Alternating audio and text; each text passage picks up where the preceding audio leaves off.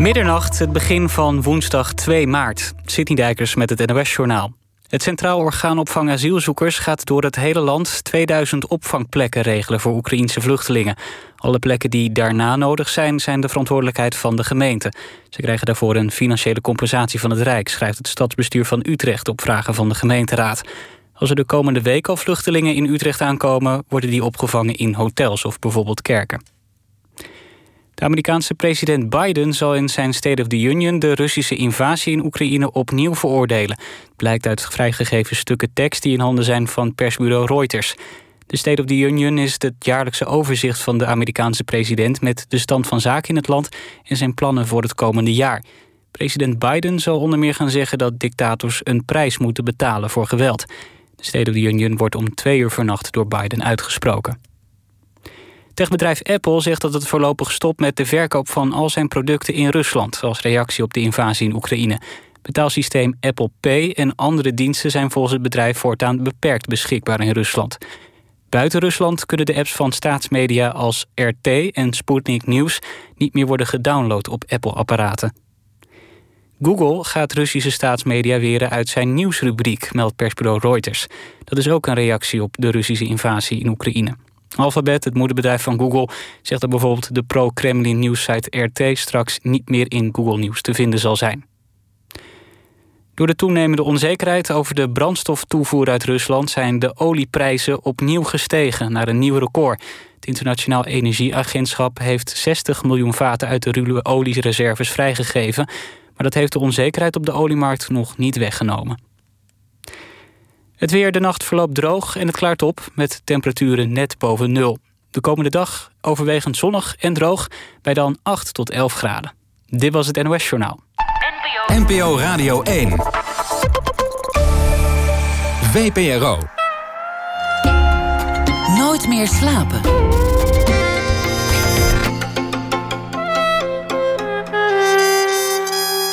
Met Lotje IJzermans. Welkom bij Nooit meer slapen.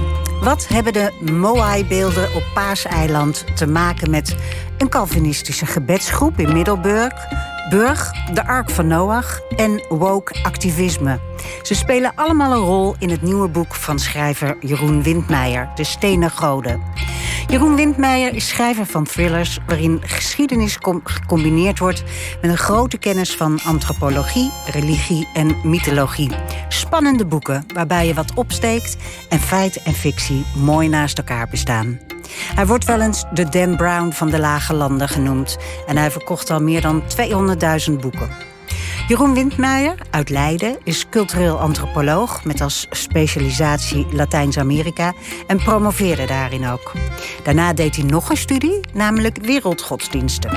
Hij debuteerde zeven jaar geleden als 45-jarige en inmiddels heeft hij acht titels op zijn naam staan en werkt hij niet meer als godsdienstdocent, alleen nog maar als schrijver. Klopt.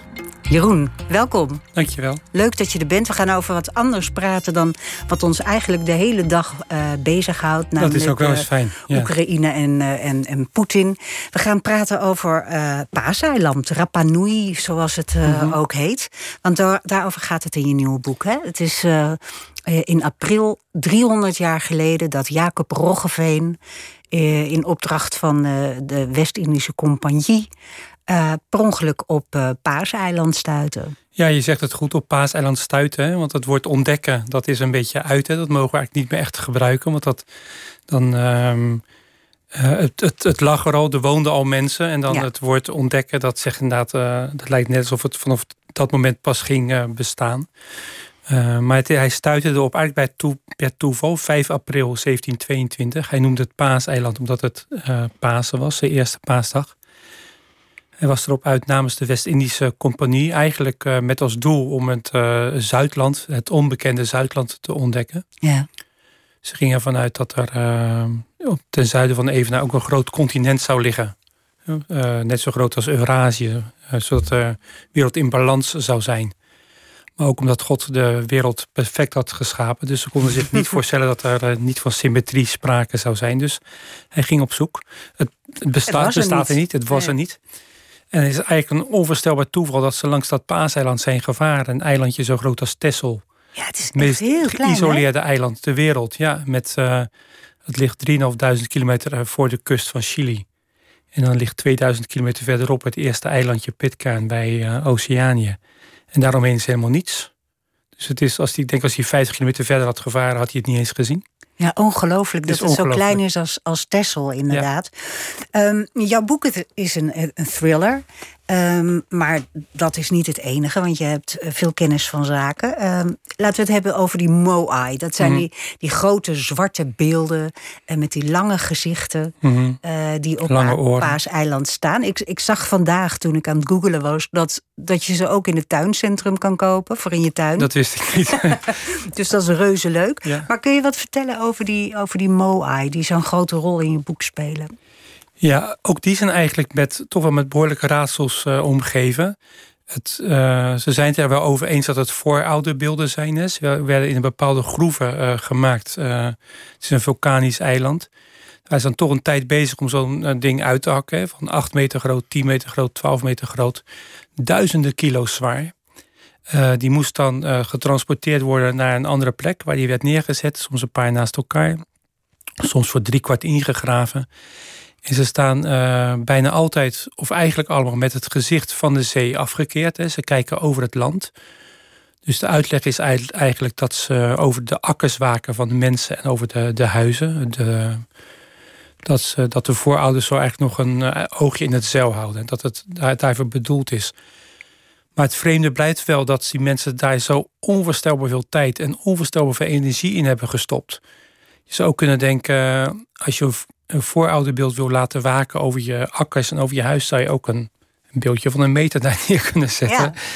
Eh, Want, bovendien, want de grootste is 20 meter. ja, ja het, is, het is echt onvoorstelbaar. En dan werd het soms ook nog voor drie kwart ingegraven. hè. Als je naar de bodem daarvan graaft, zie je dat ze ook op een eh, platformpje staan.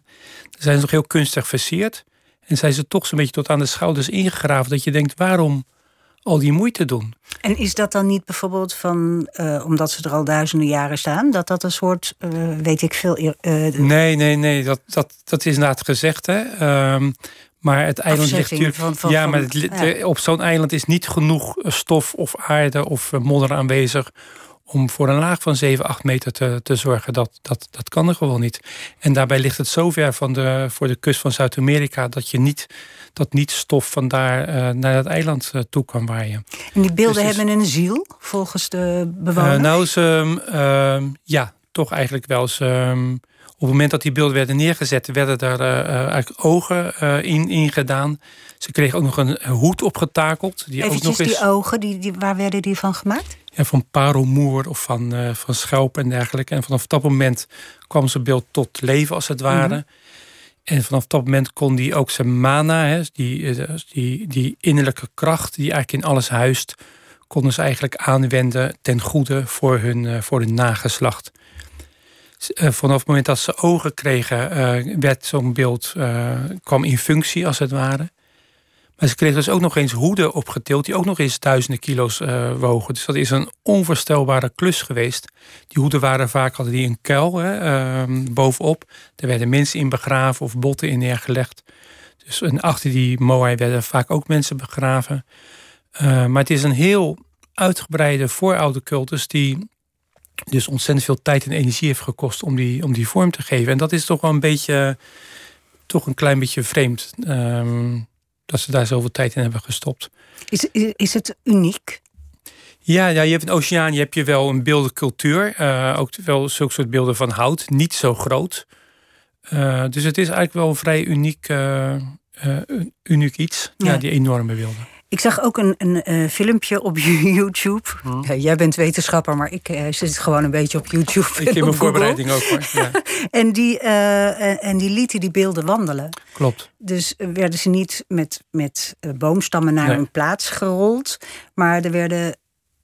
Ja, met vier touwen, met vier groepen. En dan sta je eigenlijk schuin. Zoals, je, eh, zoals jij, als je misschien wel zo'n koelkast hebt moeten verhuizen. Die te, te zwaar is of die je naar de plek Mhm. wil eh, waggelen. Dan kun je die ook door hem heen en weer te waggelen. En telkens een beetje te, te, te draaien tijdens het waggelen. Kun je hem eh, vooruit duwen.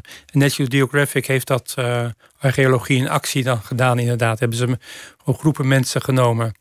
Uh, met vier, vier stevige touwen. En dan konden ze zo'n beeld toch in heel korte tijd uh, ja, een heel stuk verplaatsen. Zonder al te veel inspanning. Ja. Dus zo is dat gekomen. Ja, en die beelden die, die, die, die stonden er natuurlijk al toen die ontdekkingsreiziger, die Jacob Roggeveen uit Middelburg, toen die daar aankwam. Ja, klopt. Toen stonden ze er al. Toen hebben ze. Um, kijk, ik geloof dat ze zo rond het jaar 900 zijn ze daar aangekomen. Dus die beelden stonden er toen toch waarschijnlijk al zo'n uh, zo'n 800 jaar. Um, ze zijn ook wel rond die tijd ermee mee opgehouden. En de keren daarna dat, dat mensen daar kwamen, toen, uh, toen hebben ze wel gezien dat veel van die beelden waren uh, omgevallen uh, of omgegooid, uh, beschadigd waren. Dat was toen James Cook kwam. Precies, die kwam 50 ja. jaar later, zeg maar. Ja. En dat ook wel het een van de vreemde dingen aan, aan Paaseiland is. En ook het vreemde als je überhaupt je met Paaseiland bezighoudt. Dat je voortdurend op nieuwe mysteries stuit eigenlijk. Want het, het leidt erop dat ze van de ene op de andere dag gestopt zijn met het maken van die beelden. Uh, de hakbeltjes en alle instrumenten die ze nodig hadden om die beelden uit die rots te hakken, die lagen daar nog. En het lijkt erop alsof ze gewoon gestopt zijn. Die beelden, als een soort beeldenstorm, die beelden zijn gaan omgooien. En uh, gewoon ermee zijn opgehouden. dat is eigenlijk ook met, veel met, met raadsels omgeven. Wat daar, wat daar is gebeurd en waarom ze dat hebben gedaan. En waarom dat zo uh, abrupt is gegaan. En heb jij daar ideeën over als antropoloog? Um, als antropoloog heb ik daar ook ideeën over. Als antropoloog moet je natuurlijk, als wetenschapper kun je, kun je verschillende theorieën naast elkaar zetten en denken van nou, mhm. dit zou gebeurd kunnen zijn en dat kan gebeurd zijn. Maar het voordeel voor mij als eh, fictieschrijver is dat ik voor een versie kan kiezen en die wat meer nader kan geven. Ja. Ik heb veel contact gehad met eh, Jan Boersema. Die heeft een boek geschreven, Beelden van Paaseiland. Hoogleraar in Leiden. Hoogleraar in Leiden. Hij uh, is al uh, internationaal ook een van de paaseiland-experts en zeker uh, in Nederland. en hij verzuchtte wel eens van, had ik maar jouw vrijheid hè, om met betrekking tot die theorieën, want hij moet zich natuurlijk aan, ja, aan meer die strenge wetten van de wetenschap houden. Toen ik natuurlijk, ik begin wel vanuit feiten en vanuit mijn onderzoek. Maar dan ga ik kijken naar welke witte vlekken zijn er, wat is nog niet verklaard en hoe kan ik dat Ehm, welke verklaring zou ik kunnen geven en dat tegelijkertijd in een spannend verhaal kunnen gieten. Ja, in, in, in, in 1955 kwam, uh, kwam de uh, Noorse uh, ja, journalist, ontdekkingsreiziger, ja, ja. Thor daar. Hè? Mm -hmm. die, die, die, heeft een hele studie gemaakt van. Ja, van... meer dan een jaar gezeten. En hij had een heel verhaal over kortoren en langoren. Ja, dat was eigenlijk het. Um, dat is een van de theorieën die heel lang um, um, het meest populair was, laat ik het zo zeggen. Dat het idee was dat die beelden uh, vervoerd moesten worden en dat die op boomstammen werden gelegd om zo voort te rollen. Dat die mensen eigenlijk hun eigen eiland hebben vernietigd, omdat ze, die beelden werden steeds groter in een soort van onderlinge concurrentie. En ze hadden steeds meer bomen nodig om al die beelden te vervoeren tot het moment dat ze de laatste boom hadden omgekapt. En uh, ja, daarmee kwam dan die hele uh, beeldhouwer van die beelden kwam stil te liggen. Um, er ontstond een hongersnood. ze konden geen vruchten meer plukken van, van, van die bomen. Uh, er waren twee twee uh, groepen, de kortoren en de, de langoren, waarbij de langoren iets hoger in, uh, in rang stonden. De langoren waren ook de beeldenmakers, toch? De beeldenmakers, ja. En de kortoren zouden dan degene zijn geweest die hen voor voedsel zouden hebben voorzien, die op de land, uh, op de akkers zouden mm. hebben gewerkt, die de zee opgingen om, om, om te gaan vissen. Die zouden misschien in, ook in opstand zijn gekomen, ook door de hongersnood die er was ontstaan. En er zou een soort van oorlog zijn ontstaan van de kortoren tegen de langoren. Uh, de kortoren zouden de langoren hebben verslagen met een uh, list. En uiteindelijk, als zo'n gemeenschappelijke vijand wegvalt, zouden de kortoren uh, zich, zou die, zou die zich op elkaar hebben gericht. Wat uiteindelijk tot cannibalisme zou hebben geleid.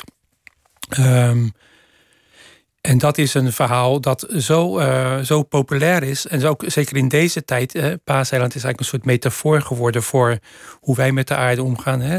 Het is ook bijna te mooi om niet waar te zijn, laat ik het zo zeggen. Paaseiland ligt in een onmetelijk grote oceaan.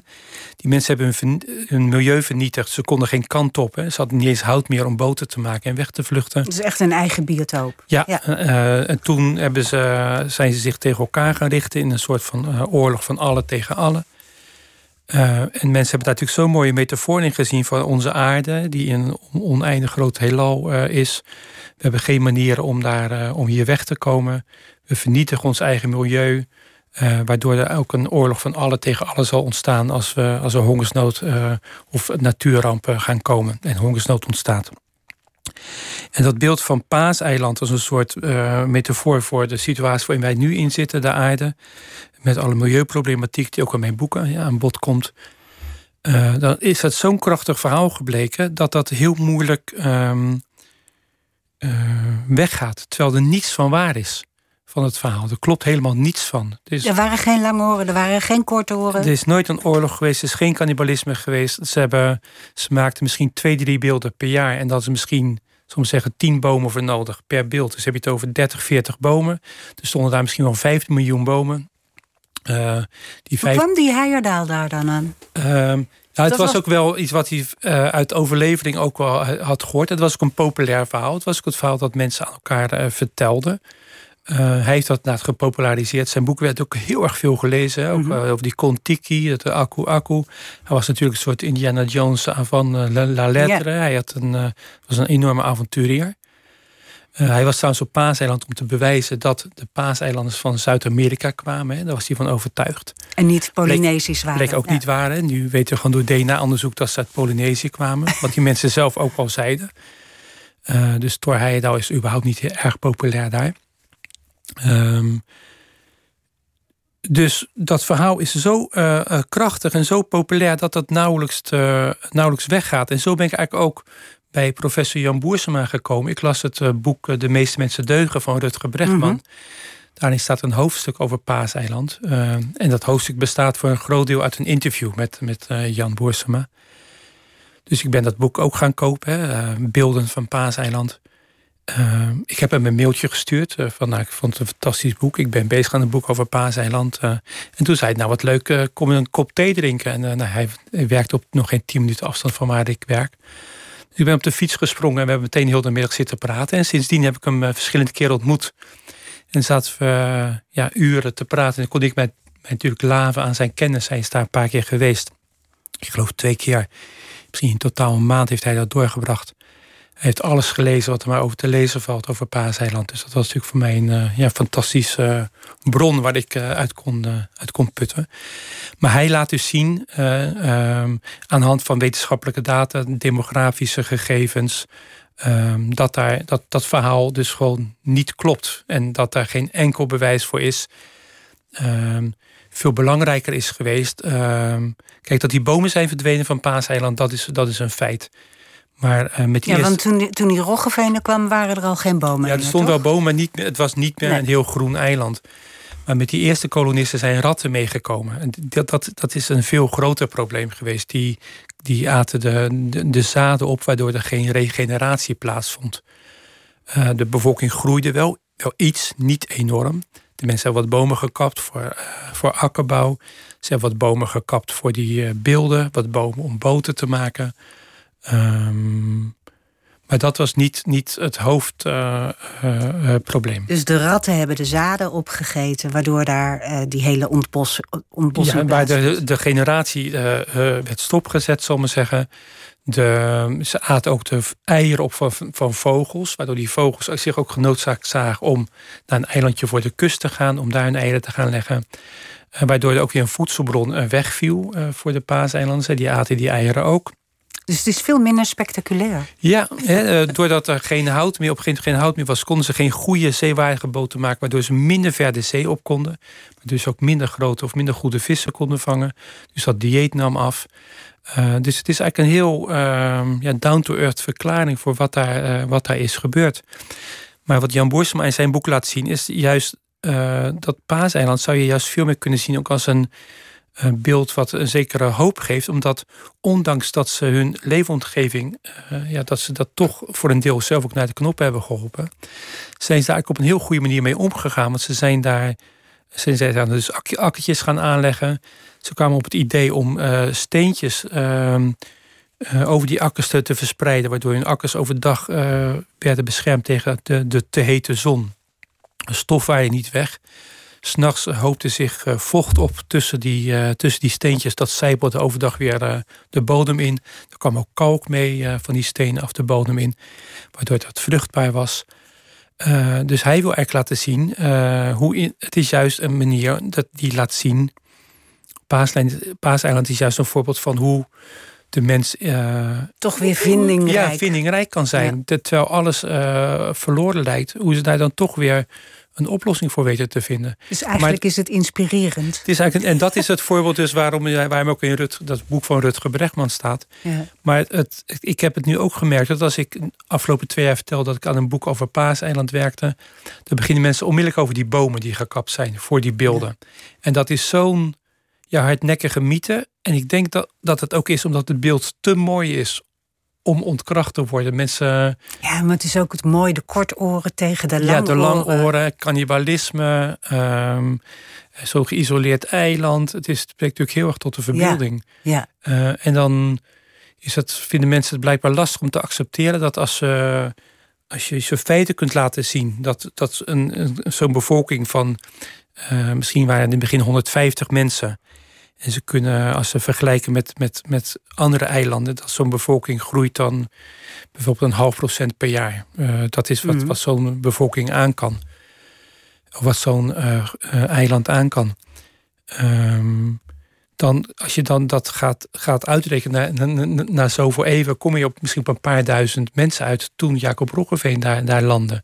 En dat klopt ook wel met wat, wat het verslag, uh, wat hij daarvan gaf. Ja, want hij hield notities bij hè, in zijn logboek. Ja, precies. En dan, um, daar is dus geen sprake geweest van overbevolking. Het is ook, ook toen Jacob Roggeveen daar landde, kreeg hij, ze kregen vruchten, aardappels, kippen, ze kregen van alles aangeboden uh, voor hun volgende etappe van de reis. Er was absoluut geen uh, voedselgebrek. De mensen zagen er goed uit, stevige gebitten, uh, goed geproportioneerde lichamen.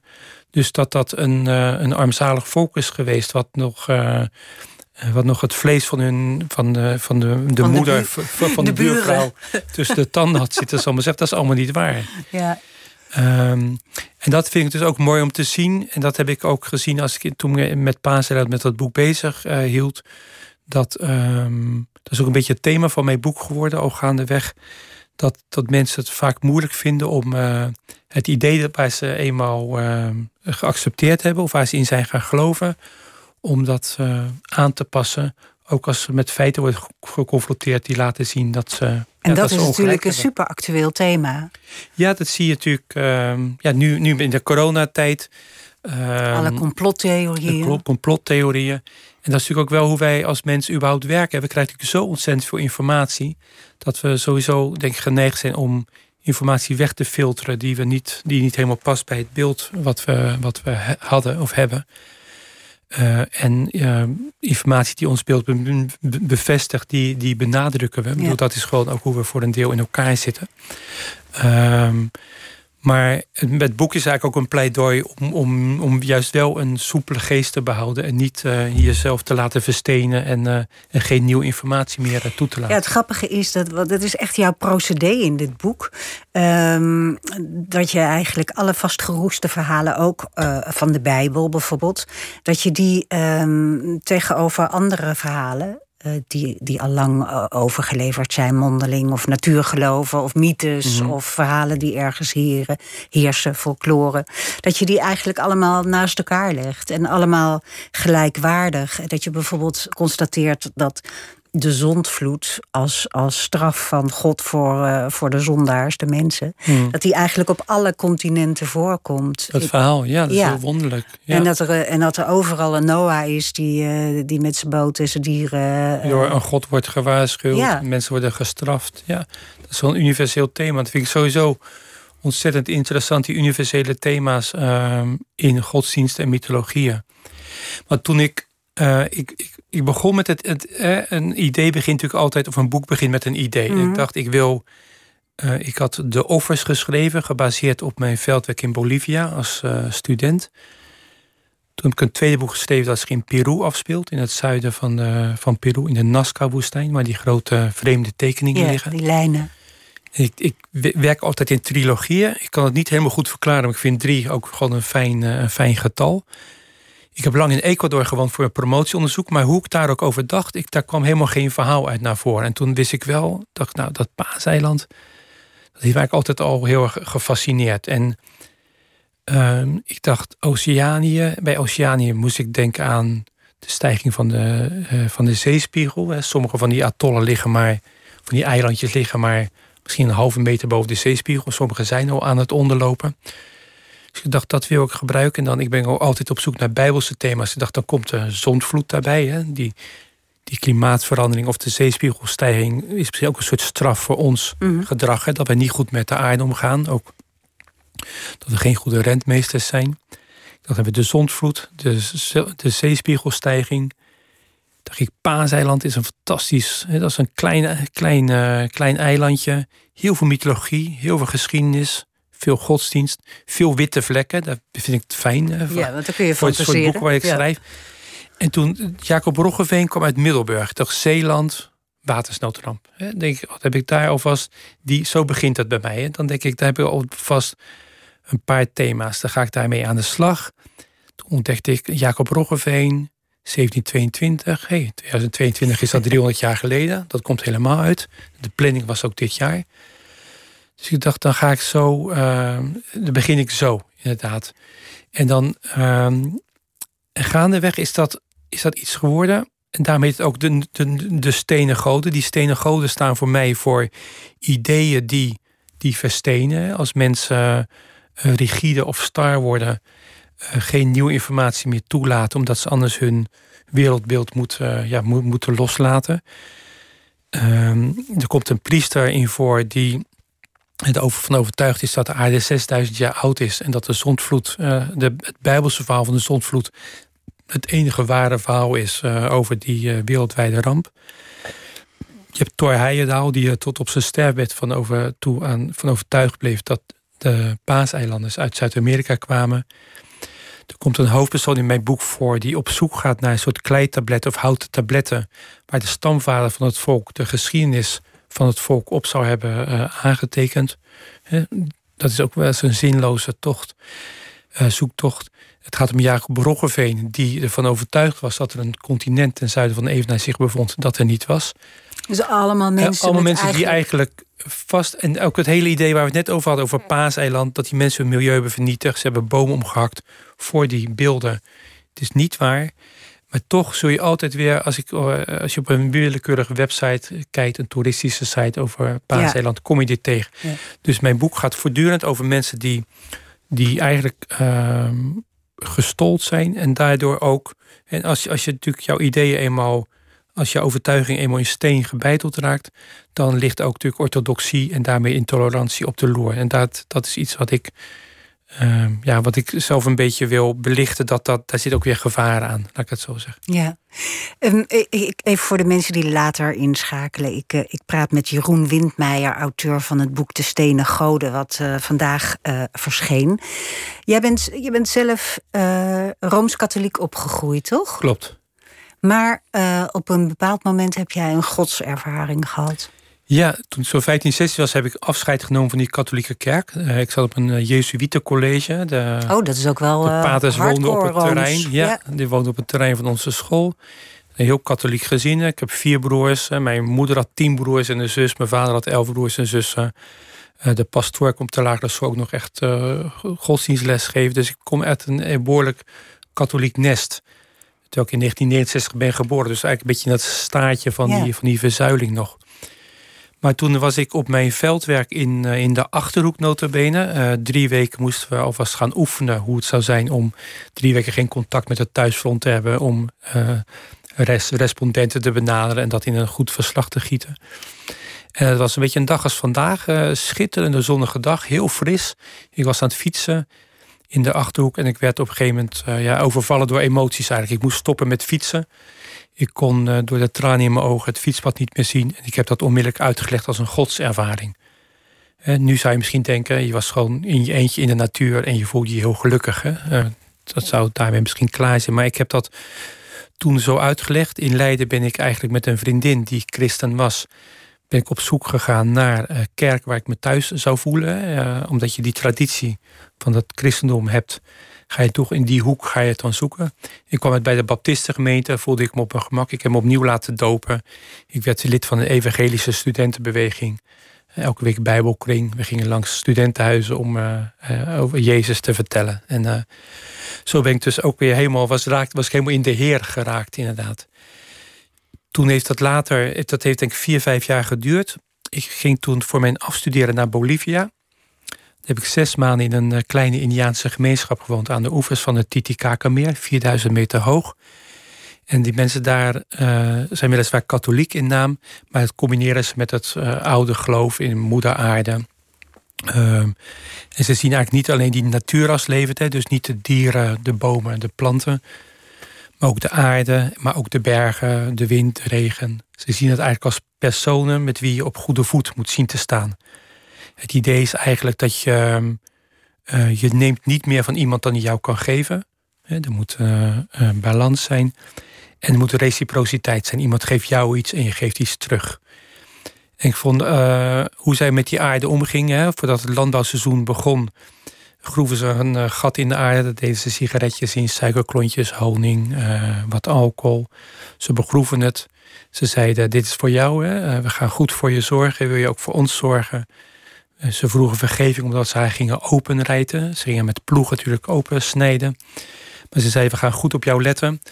En zij zeiden tegen mij, voor ons is landbouwbedrijven... is eigenlijk moeder aarde helpen baren. Dus moeder aarde helpen vruchten voortbrengen. En ik vond dat zo prachtig. ook hoe ze, ja. En ze konden ook over God praten en naar de, naar de grond wijzen. Ze konden het over moeder aarde hebben en omhoog wijzen. Ze konden Maria zeggen en het over moeder aarde hebben. En ik vond dat zo ik zag zo die verbondenheid van die mensen met de natuur. En, en niet, je kunt het helemaal romantiseren, maar ook natuurlijk met je boerenverstand kun je toch ook beredeneren dat die mensen waren zo afhankelijk van wat die grond hun voortbracht. Dat het niet gek is dat als je daar zo uh, je bewust van bent, dat je daar ook een relatie mee, denkt een relatie mee te hebben. Of dat uh, dat zo voelt. Mhm. En toen ik daar ook woonde, hè, en je zit daar aan het Titicacameer, om zes uur is het uh, donker en je hebt die onmetelijke sterren helemaal boven je, ja, dan heb je die ervaring natuurlijk ook veel meer dan wanneer je in zo'n stenen omgeving als Leiden zit bijvoorbeeld. Ja, sowieso veel meer verbondenheid Precies. met de natuur. Ja. En toen was ik, um, ik werd peetvader van het uh, kindje, was een kindje geboren in dat gezin. En we gingen naar de kerk en daar was een Italiaanse priester die blijkbaar daar al 40 jaar zat en heel erg gefrustreerd was dat de mensen eigenlijk nog steeds ook dat geloof in die moeder aarde praktiseerden. Dus in plaats van een feestelijke doopplechtigheid uh, heeft hij die mensen eigenlijk gewoon uh, verrot staan schelden.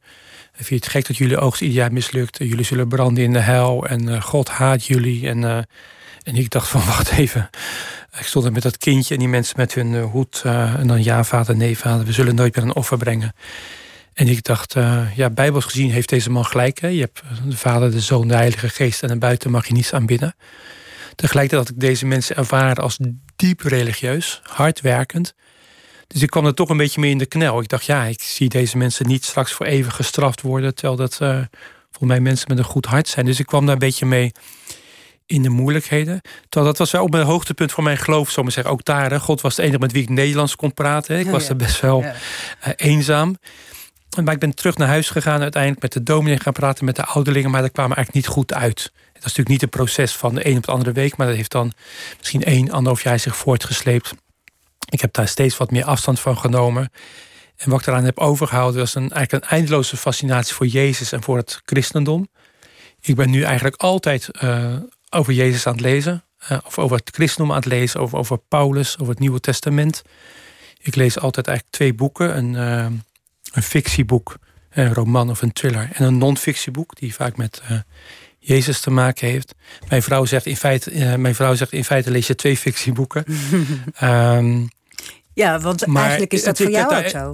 Want jij gelooft niet meer. Ik geloof niet. Nee, ik geloof niet. Um, ik geloof wel dat Jezus heeft bestaan. Hè, dat hij, en ik denk ook dat als ik hem zou hebben ontmoet... en ik zou visser zijn geweest bij het meer van Galilea... zou ik onmiddellijk mijn netten op de, hebben neergegooid... en zou ik achter hem aan zijn gegaan. Ik denk dat, dat het iemand was bij wie je graag wilde zijn. Bij wie je ook een beter mens wilde zijn. Uh, ik denk dat er heel veel mythologie en godsdienst omheen is geweven daarna.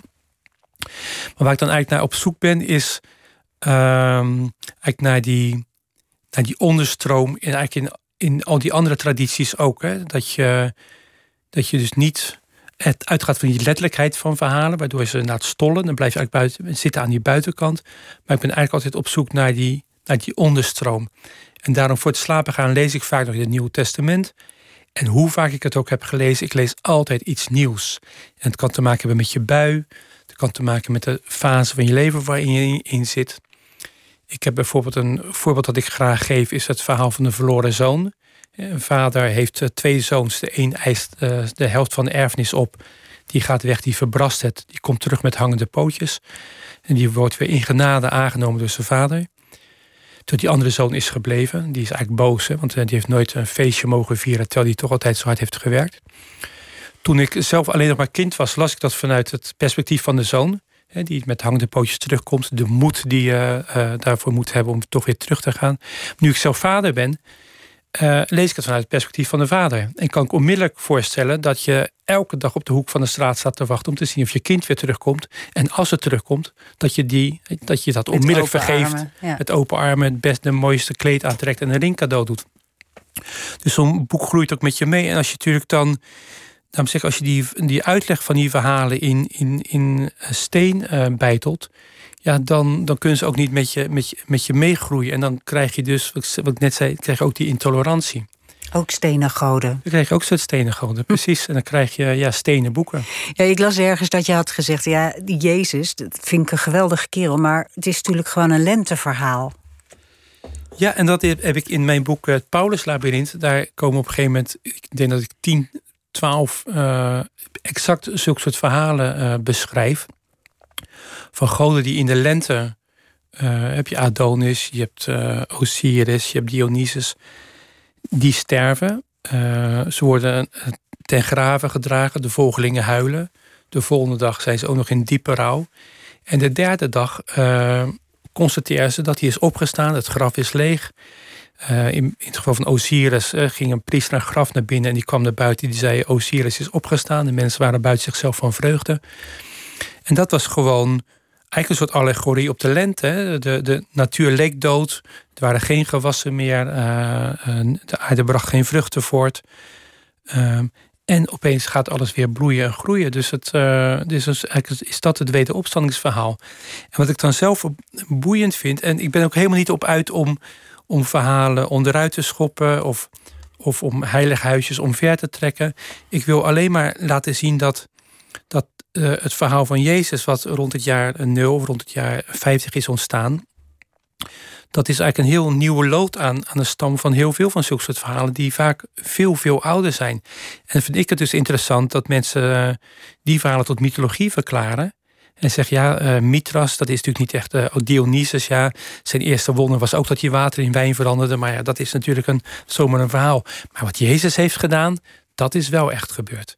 Terwijl ik denk, ja, maar voor bijna voor ieder verhaal in Jezus' leven kun je een verhaal tegenoverstellen wat veel ouder is en bij ook nog andere goden. Uh, je kunt de verzoeking in de woestijn, dat Jezus wordt, bijna wordt verleid, of is de, de duivel doet een poging om hem te verleiden. Een exact hetzelfde verhaal heb je 500 jaar ouder van de Boeddha, hè, vlak voordat hij verlicht wordt. Dan krijgt de Mara, de boeddhistische duivel, zal ik maar zeggen, die probeert hem ook tot drie keer toe te verleiden. Ehm, je hebt het verhaal van het gevaarlijke kind. Heel veel belangrijke uh, mensen of goden. Uh, die krijgen een wonderlijk ontsnappingsverhaal in hun jeugd mee. Hè. Je hebt Romulus en Remus, je hebt uh, ja. Oedipus. in onze tijd heb je Sneeuwwitje. iemand wil het kind dood hebben. Het kind weet op wonderbaarlijke wijze te ontsnappen. Een jager kan het niet over zijn hart krijgen om het kind te doden. Legt het de vondeling, laat het het bus in, bos invluchten. Uh, doet het in een mandje met pek, legt het, doet het in een rivier. Het kind weet het overleven, wordt door wolf opgevoed. door zeven kabouters of door zeven dwergen. Door een herder. Ehm, door de prinses, door de dochter van de farao. Uh, dat heet het, het, gevaarlijke kind. Dat is gewoon een universeel thema. Nou, Jezus ook, hè, wordt geboren. Herodes hoort, hè, er is een koning geboren. Die, probeert alle, die laat alle kinderen tot twee jaar in Bethlehem in de omgeving vermoorden. Jezus zijn ouders weten te vluchten, want die zijn ge, gewaarschuwd in een droom. Dat ik altijd denk, waarom waarschuwden die ouders eventjes niet die andere ouders? Hè? Waarom waarschuwden ja. Jozef en Maria niet even die andere ouders? Dat was wel aardig geweest. Uh, en dan komt Jezus terug. Uh, als Herodes is overleden. Maar dan vind ik het dus wonderlijk dat zijn gewoon thema's die blijkbaar die, die soort universeel zijn in de mensheid. en dan vind ik het, wat ik net zei, vind ik het wonderlijk om dan al die andere verhalen tot mythologie te verklaren en jouw eigen traditie tot geschiedenis te verklaren. Terwijl als je denkt, goh, misschien is ons, misschien is ons verhaal ook maar een verhaal. En gaat het dus niet om. Uiteindelijk maakt het mij niet eens zoveel uit of Jezus echt bestaan heeft of niet. Maar ik vind de verhalen zo schitterend uh, en zo leerzaam. Dat, kijk, als ik mijn dochtertje vroeger, zij is nu 15, als ik tegen haar zou zeggen van goed naar mama luisteren, blijf op het rechte pad en niet met, met vreemde meneren meegaan. Dan zou ze misschien het ene oor in, het andere oor uitgaan. Maar ik kan haar honderd keer het verhaal van een rood kapje vertellen. Met die, precies diezelfde boodschap. Dan kan ik ene keer is het slecht weer, een keer is het mooi weer, ene keer zit er dit in haar mandje of dat in haar mandje. Uh, en dan zou je dus ook de plank mis gaan slaan, of zou je in de bossen van Duitsland gaan zoeken en zeggen van ja, we hebben nergens rest gevonden van een rood kapje. Dat, ja. ik, ik, ik, betwijfel of ze wel echt bestaan heeft of ja, niet. Dat is totaal niet belangrijk. Ik vind het ontzettend leuk aan, jou, aan jouw boek en ook aan dit gesprek dat jij eigenlijk Walt Disney en Roodkapje en Jezus en Oedipus, Boeddha ja. en Oedipus allemaal uh, gewoon. Het gaat me altijd om verhalen, ja. ja. En is dat de antropoloog in jou die eigenlijk altijd zoekt naar ieder zijn unieke kwaliteit? Zonder ja, daar een oordeel over te precies, hebben. Precies, vooral dat. Als antropoloog leer je, dat is vanaf, het, vanaf week 1 word je dat ingaan met dat participerende observatie. Wat een heel vreemde positie is. Je doet mee. Dat is het idee. Hè? Dus je gaat niet aan de zijkant zitten aantekeningen maken, maar je probeert mee te doen. Toen ik in dat dorp woonde in Bolivia, heb ik op het land gewerkt. Ik heb met de mensen meegedanst. We gingen samen vissen. Ik stond ook om vier uur ochtends op om uh, op het land te werken. Uh, je doet mee en tegelijkertijd ben je toch ook een soort buitenstaander. Hè? Je, je observeert, je maakt aantekeningen. Maar je probeert eigenlijk gewoon te registreren wat mensen jou vertellen, wie wat vertelt. En dat probeer je eigenlijk zo objectief mogelijk, voor zover dat kan, probeer dat uh, op te schrijven. En daarom zegt ook die antropoloog in, mijn boek, uh, Anthony uh, Eskens. Ja, die een van de doet. twee hoofdpersonages. Ja. Precies, je hebt Anthony Eskens. Die doet onderzoek op uh, Paaseiland, een jonge student uit Middelburg. En je hebt Monique Vierloos. Die, dat is een conservator van het museum in, in Middelburg. Daar moeten we het ook nog over Precies, ja. die bereidt een tentoonstelling voor.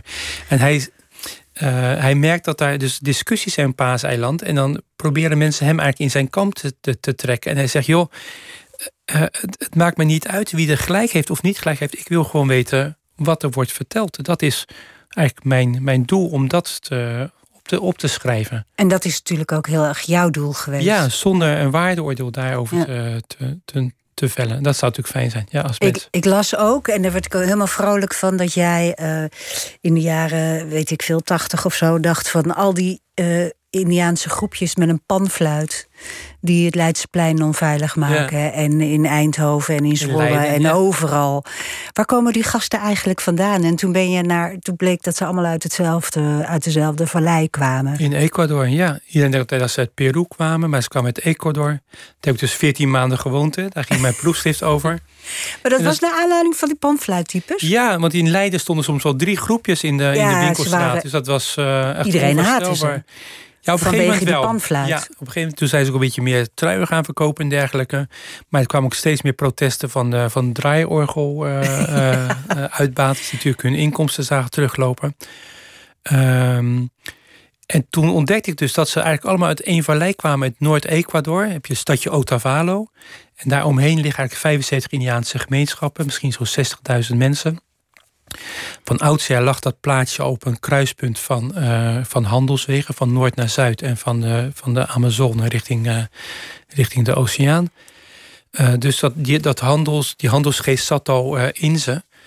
En toen is op een gegeven moment één iemand is in, in Amsterdam terechtgekomen en die merkte toch dat hij die had wat dingetjes ging die verkopen en die blies een rieltje op een panfluit of iets dergelijks. En dat sloeg eigenlijk aan. En zo is eigenlijk dat, dat op gang gekomen. KLM zag het ook wel zitten. Die, die verstrekte toen op een gegeven moment tickets op krediet. Die hoef je dan pas oh, achteraf echt? te betalen. En toen kwamen dus veel mensen naar Amsterdam. Amsterdam werd ook Klein Ottovalo genoemd in die tijd. Hè. Vooral in de Belmer woonden er veel. Na die Belmerramp hebben nog iets van 11 of 13 Ottovalo's een verblijfsvergunning gekregen naar aanleiding van die ramp.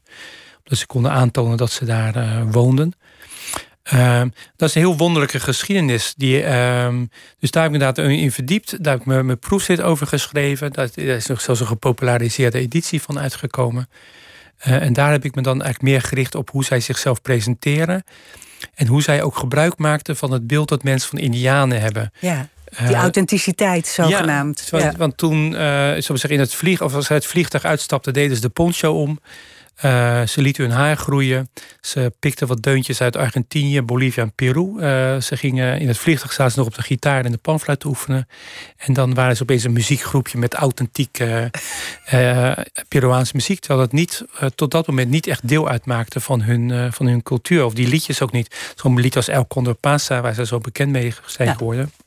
Dat kwam uit Peru, Piolice uit Argentinië. Dus ik vond het heel grappig hoe zij eigenlijk speelden met de verwachtingen die mensen hadden van wat Indianen eh, waren of zijn. En dat vond ik dan ook wel weer grappig toen ik daar zo lang woonde. En dat ik heel veel toeristen heb gezien en heb gesproken die oprecht teleurgesteld waren. Toen ze merkten dat de Indianen daar niet allemaal in poncho's rondliepen. En dat ze ook gewoon in spijkerbroeken rondliepen. Uh, de, de mobiele telefoon was een beetje in opkomst. Er waren wat internetcafés waar ook Indianen zaten. het vond ik dan bijzonder, want ze wilden eigenlijk die mensen gewoon zien in hun leme hutjes. die er achter een kudde lama's aanliepen. Terwijl ze zelf natuurlijk wel s'avonds naar hun eigen hotel terug wilden. Uh, en, en een warme douche. wilden appen met de familie. ja, dus dat vond ik dan wonderlijk. Dan namen ze het eigenlijk die Indianen kwalijk. Uh, dat ze er niet zo uitzagen zoals uh, het reisbureau hen had voorgeschoteld. En die, wat ik ook wel weer dus leuk vond, is hoe die Indianen dan ook weer met dat idee speelden. En hoe sommige jongens dat ook weer als een versiertruc konden inzetten bij meisjes. Hè. Die konden zeggen, mijn oom is shamaan. Nou, als, als het woord shamaan al was uitgesproken, viel zo'n meisje al in katzwijm. Dus dat, dat was Zo zijn die meisjes, ja. Zo zijn die meisjes nu eenmaal. Het woord nee, shamaan noemt. Ja. Uh, het grappige is dat iedereen inderdaad op, op zoek is naar, naar authenticiteit. Ja. En het maakt niet uit hoe authentiek die authenticiteit dan is. Als, je, als jij er maar in kan geloven.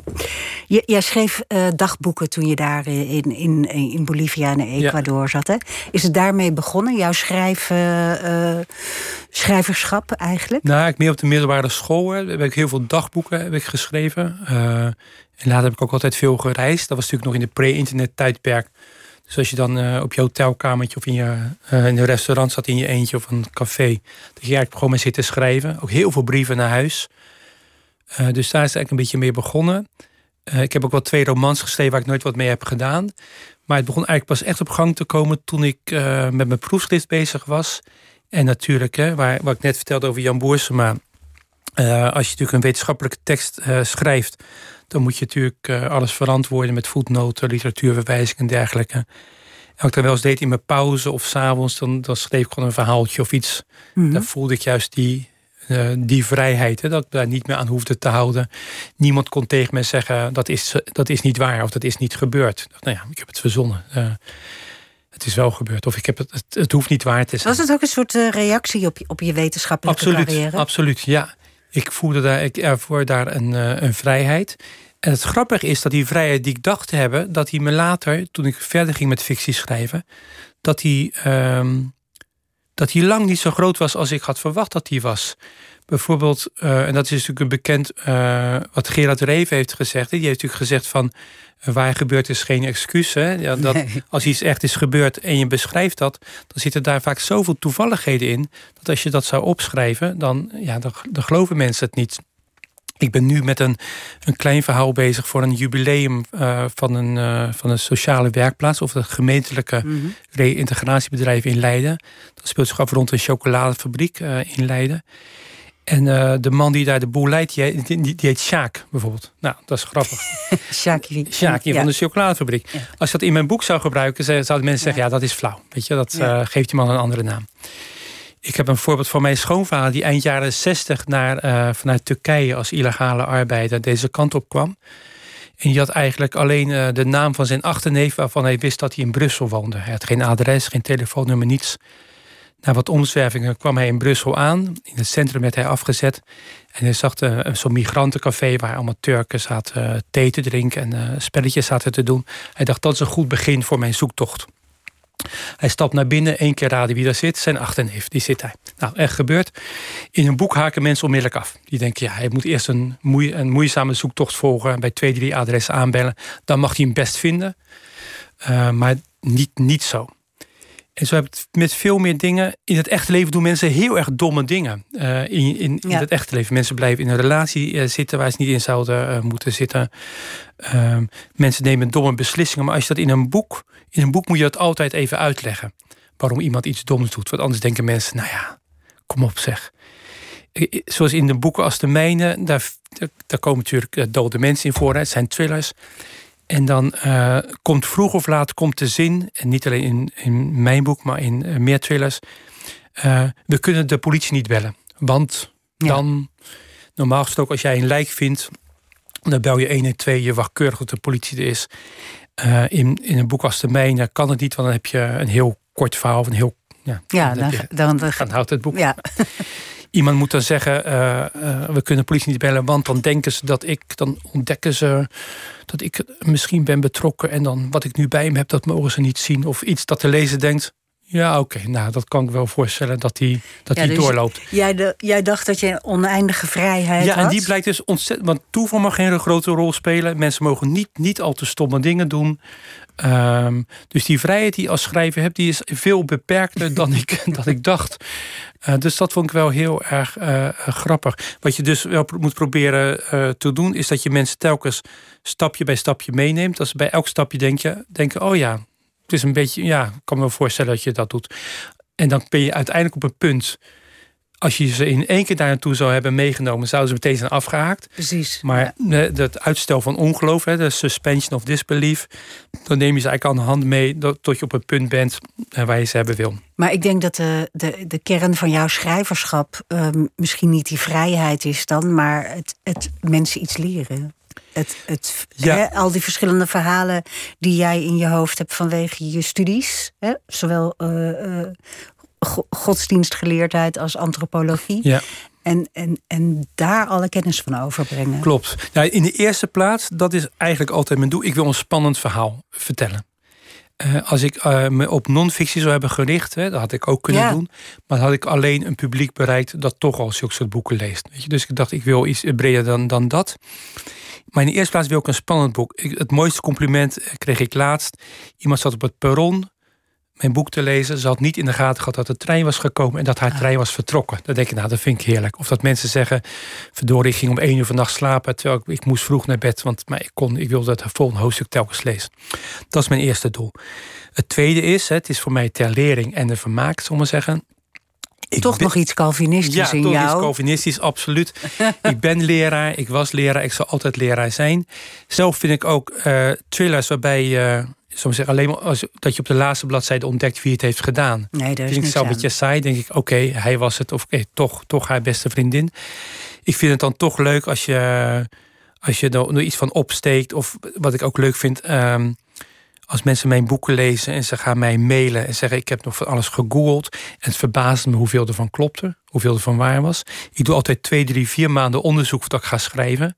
Ja, je doet een waanzinnige research. Ja, en uit dat materiaal, daar, daar, daar ontstaat het verhaal eigenlijk uit. En dan is het in mijn hoofd nog een behoorlijke chaos. Zal ik zeggen. Ik heb -hmm. heel veel aantekeningen. Ik heb het wel heel keurig geordend. Maar eigenlijk schrijf ik dan in drie, vier maanden schrijf ik de eerste versie. Dat zijn meteen, zullen zeggen, 150.000 woorden. Ik heb drie, maanden, drie jaar geleden mijn baan opgezegd, dus ik heb nu elke dag vrij. Ik ga naar een kantoor, ik huur een kantoortje in de stad. Ik werk daar van 8 tot 5. Probeer 2.000, 3.000 woorden per dag te schrijven. Dus na drie, vier maanden heb ik die 150.000 woorden. Dat geef ik aan mijn redacteur. Die gaat, uh, Lisanne Matthijssen van HarperCollins Holland, die gaat mee aan de slag. En uiteindelijk blijven er misschien 120.000 woorden over. Maar ik heb dat nodig gehad om dat ik al schrijvend ook tot ontdekking kom. Uh, dingen ontdek. Uh, ik associeer. Het ontstaat organisch. Zo, ik word ook verrast door de. Door ja, want de... soms weet je niet van tevoren wie de moordenaar is. In, nee, in bij het Eva-complex dat ik samen ja. met Jacob Slavenburg schreef. Uh, dus ik schreef het gebaseerd op zijn kennis en zijn, zijn synopsis, zijn ideeën. Ieder hoofdstuk legde ik eigenlijk aan hem voor. Uh, maar pas op bladzijde 300 wist ik wie de moordenaar was. Ik had drie verdachten. En pas bij bladzijde 300 dacht ik, die persoon, die is het geweest. En in de tweede versie ga je die persoon dan natuurlijk verdacht gedrag uh, laten al, vertonen. Al op eerdere bladzijden Precies. Uh, terug laten Dat is bij de tweede versie. Maar de eerste versie wil ik ook verrast worden. Ik heb één keer geprobeerd te werken met een synopsis. Had ik keurig een, een, zelfs een taartdiagram gemaakt in drieën... met telkens acht punten. Wetenschapper, het taartdiagram. Precies, ja, met 24 hoofdstukken per hoofdstuk uitgeschreven. Bij hoofdstuk 3 dacht ik, oh, dat is leuk. Dacht, dat zat ik te kijken naar het schema. Oh nee, dat kan niet, want in hoofdstuk 13 moet dat gebeuren. En toen met lange tanden zag ik aan hoofdstuk 4 en dacht van, weet je, dit gaat niet werken. Ik heb alles weggegooid, ben opnieuw begonnen. En, uh, en zo, het, het groeit bij mij. Ja, uh, al die research die je altijd doet, uh, is natuurlijk super nuttig. Je, je, meestal schrijf je over landen waar je, waar je eigenlijk goed bekend hebt. Bolivia, Leiden, Peru. Leiden ja. Peru. Uh, maar Paaseiland kon je niet heen vanwege corona. Je zou erheen gaan. Ik zou erheen gaan. Maar dit hele boek is ontstaan uh, vanuit YouTube, Google, Wikipedia, ja, wetenschappelijke... Armchair anthropologist was ik. Ja, echt uh, Google Maps, YouTube, National Geographic. met experts gepraat. Met mensen die er zijn geweest, die me foto's hebben laten zien. Ik had wel geschreven voortdurend een, een grote kaart van Paaseiland. De eerste versie heb ik aan, eh, aan Jan laten lezen. En die kon er gelukkig allemaal praktische foutjes uithalen. Dan liet ik mijn hoofdpersoon ergens zitten. En die had dan een schitterend uitzicht op dit of dat. En dan kon hij zeggen, ja, als je daar zit kun je dat helemaal niet zien. Dus uh, ja. ik liet mensen op een bootje stappen en zei, nou dat doen ze daar niet. Dat, aan de andere kant ligt het uh, haventje. Dus ze zijn, kijk, mijn boek is geen reisgids. Hè. Het is niet dat mensen met mijn boek in de hand over het eiland kunnen lopen. Het moet wel een klein beetje kloppen. Ja, dus, maar het was wel een handicap, neem ik aan. Ja, absoluut. Dus ik weet natuurlijk niet uh, hoe het is om op zo'n eiland uh, te, te, te, zitten uh, hoe het is om te ervaren dat je omgeven bent door zoveel oceaan. Hoe het is om daar s'nachts over het eiland te lopen en die sterren helemaal boven je te zien. Dat, die ervaring heb ik niet gehad, nee. We moeten nog één ander ding. We, hebben, we hebben nog drie minuten. Jeetje, Lekker relaxed. Maar um, in je boek zit ook een museum. Hè? Ja. En daar is een, een conservator die een, die een tentoonstelling organiseert. En daarin breng je eigenlijk allerlei eigentijdse culturele thema's voor het voetlicht. De functie van een museum, uh, culturele toe-eigening, roofkunst, mm. al die dingen. Ook heel interessant. Het grappigste vond ik dat. Um, het gaat dus over Paaseiland. Mm. Maar de conservator had een, uh, een haka-lied te doen door uh, Maori. Ja. Nep Maori ook nog eens. Want het was ook Polynesisch. Ja, precies. Ja, dus sloeg ze de, de plank totaal bij mis, inderdaad. Je hebt, uh, misschien is wel grappig om te vertellen... je hebt een boekverkoper bij de, de drukkerij in Middelburg... die heet Monique Eskens. Ja. boekverkoper in Goes, Anthony Vierloos. Ik heb een toestemming gevraagd om hun namen te mogen gebruiken. Ik heb de achternamen verwisseld. Monique Vierloos is dan de conservator van het Zeels Museum... die een tentoonstelling voorbereidt over uh, Paaseiland en, en Roggeveen. En die eigenlijk uh, onmiddellijk op al die problemen stuiten. Dus had duurzaamheid een, een thema willen maken van de tentoonstelling... waarbij Paaseiland een, een waarschuwing is aan de mensheid. Dat blijkt niet te kloppen. Um, en heel veel dingen waar ze zich eigenlijk in verdiept, kloppen eigenlijk niet. mensen gaan zeggen, ja, je hebt die HK gedaan. Het heeft niks met Paaseiland te maken. Um, en zo zijn er heel veel dingen die... Uh, ja, Jacob Roggeveen die werkte voor de WIC. Nou, die heeft slaven vervoerd. Uh, um, dus er zijn mensen die daar tegen in opstand komen. Um, er zijn mensen die zeggen... ja, wij hebben ook dingen in ons bezit uit Oceanië. Moeten dat niet, moeten dat niet teruggeven? Eigenlijk hoort dat niet, niet daar.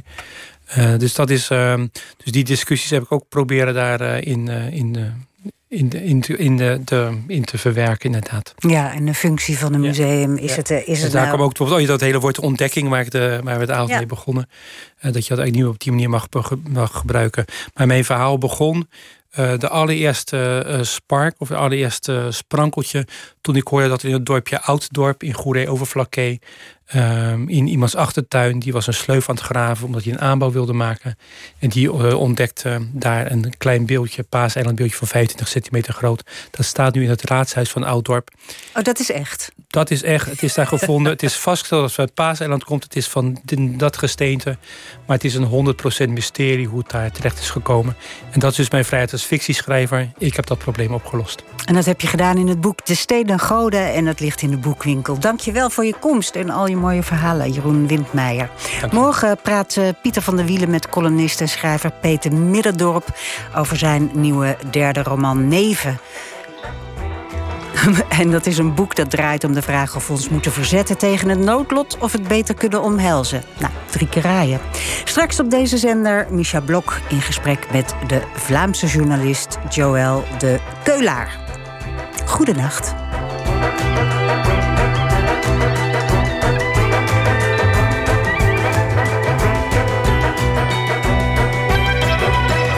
NPO Radio 1. Wie luistert, weet meer. NPO Radio 1.